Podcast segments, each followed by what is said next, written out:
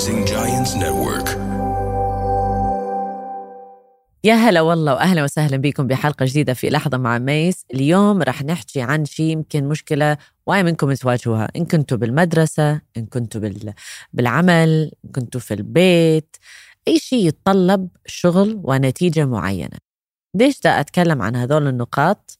لأن هذه القصة رح تعطيكم الحل إنه شلون الواحد يقدر ينتج بالطريقة الصحيحة حتى ينجح بامتحاناته. خليني أقول لكم القصة.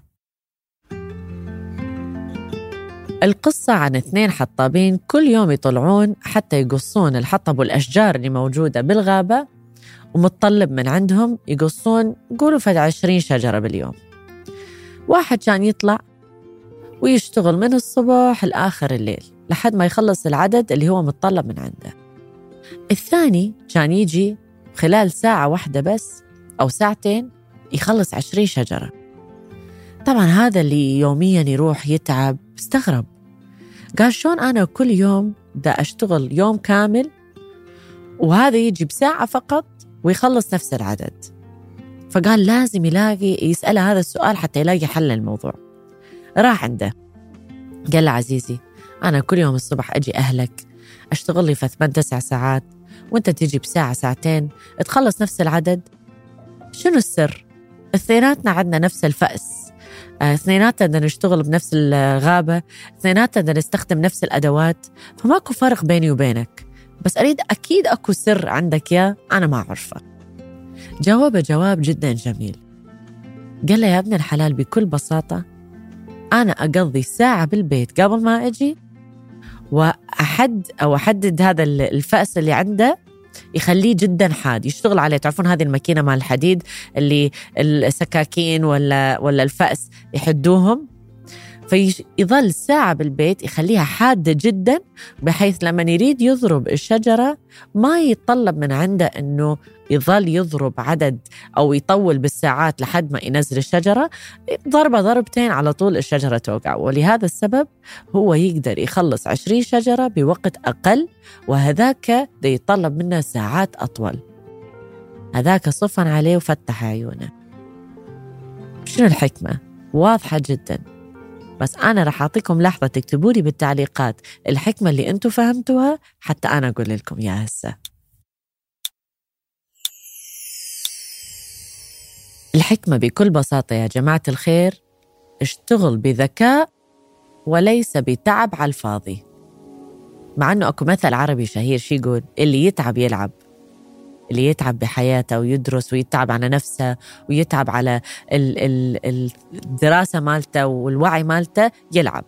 ولكن بهذه الأمور التعب ما يتطبق. لما الواحد يقدر ينجز مهمة بساعات أقل باستخدام الذكاء مالته بهذه الطريقة أنت بالعكس ده تخفف التعب اللي عليك ولكن رح تلعب بالنهاية. فهنا اللي يكون ذكي يلعب مش اللي يتعب يلعب. أنتوا أول البودكاست قلت لكم اللي رايح للمدرسة اللي دا يسوي امتحانات اللي بالعمل شلون هذه القصة تنطبق عليه؟ أو هاي الحكمة تنطبق عليه. خلينا ناخذ الطلاب أول شيء. الطلاب أنتوا في امتحانات بالجامعة ولا بالمدرسة. الكتب والدراسة والقلق. والتوتر. راح أنجح ولا ما أنجح؟ ويعطونا مواد هواية عن أنا أتذكر على أيامي. وأنتوا همين أكيد. فدايما تسألوني بالتعليقات. ميس عندي امتحانات. بس أخاف ما أنجح. أكو طريقة أقدر أدرس بيها. حتى أسهل الأمور أو أنجح بامتحاناتي أو أتأكد أني راح أنجح. هذه القصة تجاوب على سؤالكم.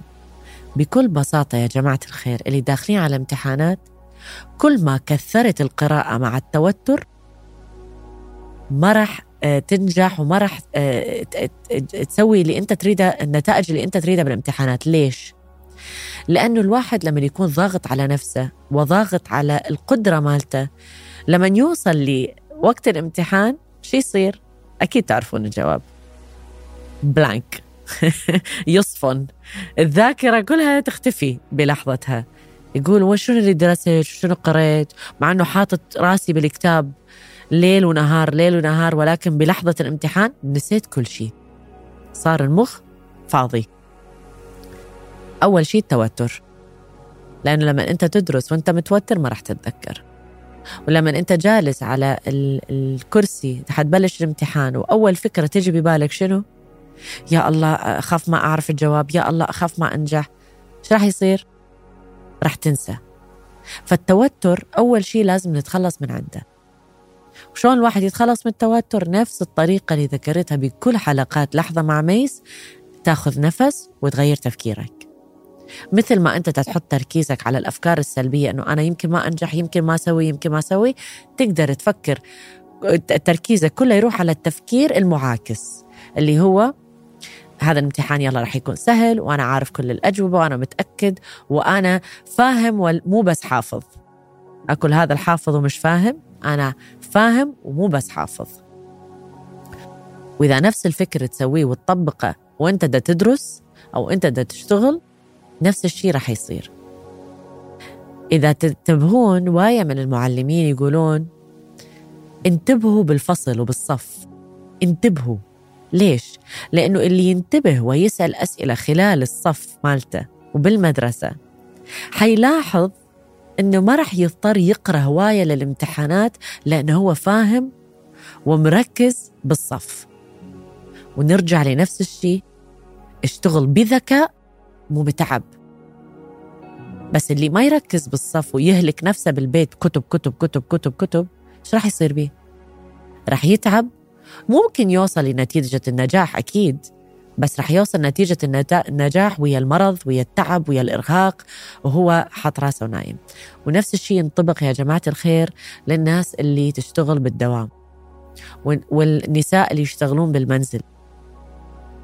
إذا مثل الماكينة مشغلين هذا الجسد راح تهلكون وما راح تنتجون الأشياء بالطريقة الصحيحة والطريقة الذكية. فأخذوا لحظة بحياتكم وفكروا. شلون أقدر أخلص شغلي أو دراستي بطريقة ذكية وليس متعبة؟ وشوفوا الجواب اللي راح يوصل لكم. لأنه كل شيء كل مهام عندنا بهالدنيا ممكن نخلصها بوقت أقل إذا شوي فتحنا عقلنا.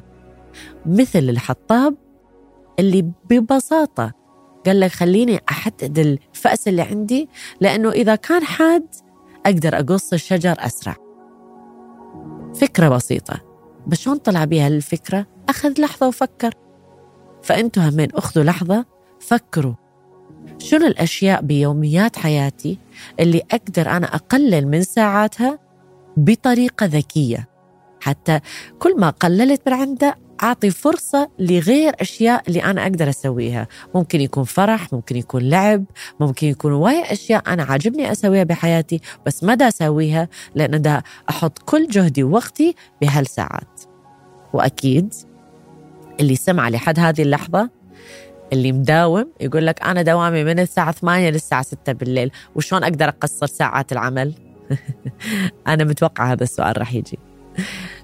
ما تقدر أنت تكون موظف بشركة وتقلل ساعات العمل. ولكن اللي تقدر تسويه إذا اشتغلت بذكاء إنك تخلص شغلك ومهامك لهذا اليوم بساعات أقل اللي يعطيك فرصة إنك تجهز لليوم المقبل أو ممكن حتى تشتغل على بزنس أنت حابه آه، على جنب.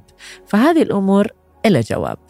وهم أرجع أقول لكم غيروا تفكيركم السلبي للإيجابي لأن كله يبدأ من هذه النقطة. جذر المشكلة هو التفكير. نوسعه ننظفه ونخليه إيجابي. هذاك الوقت الواحد يقدر ينتج بحياته. هذه كانت قصة اليوم وحكمة اليوم في لحظة مع ميس. أشوفكم بالقصة الجاية.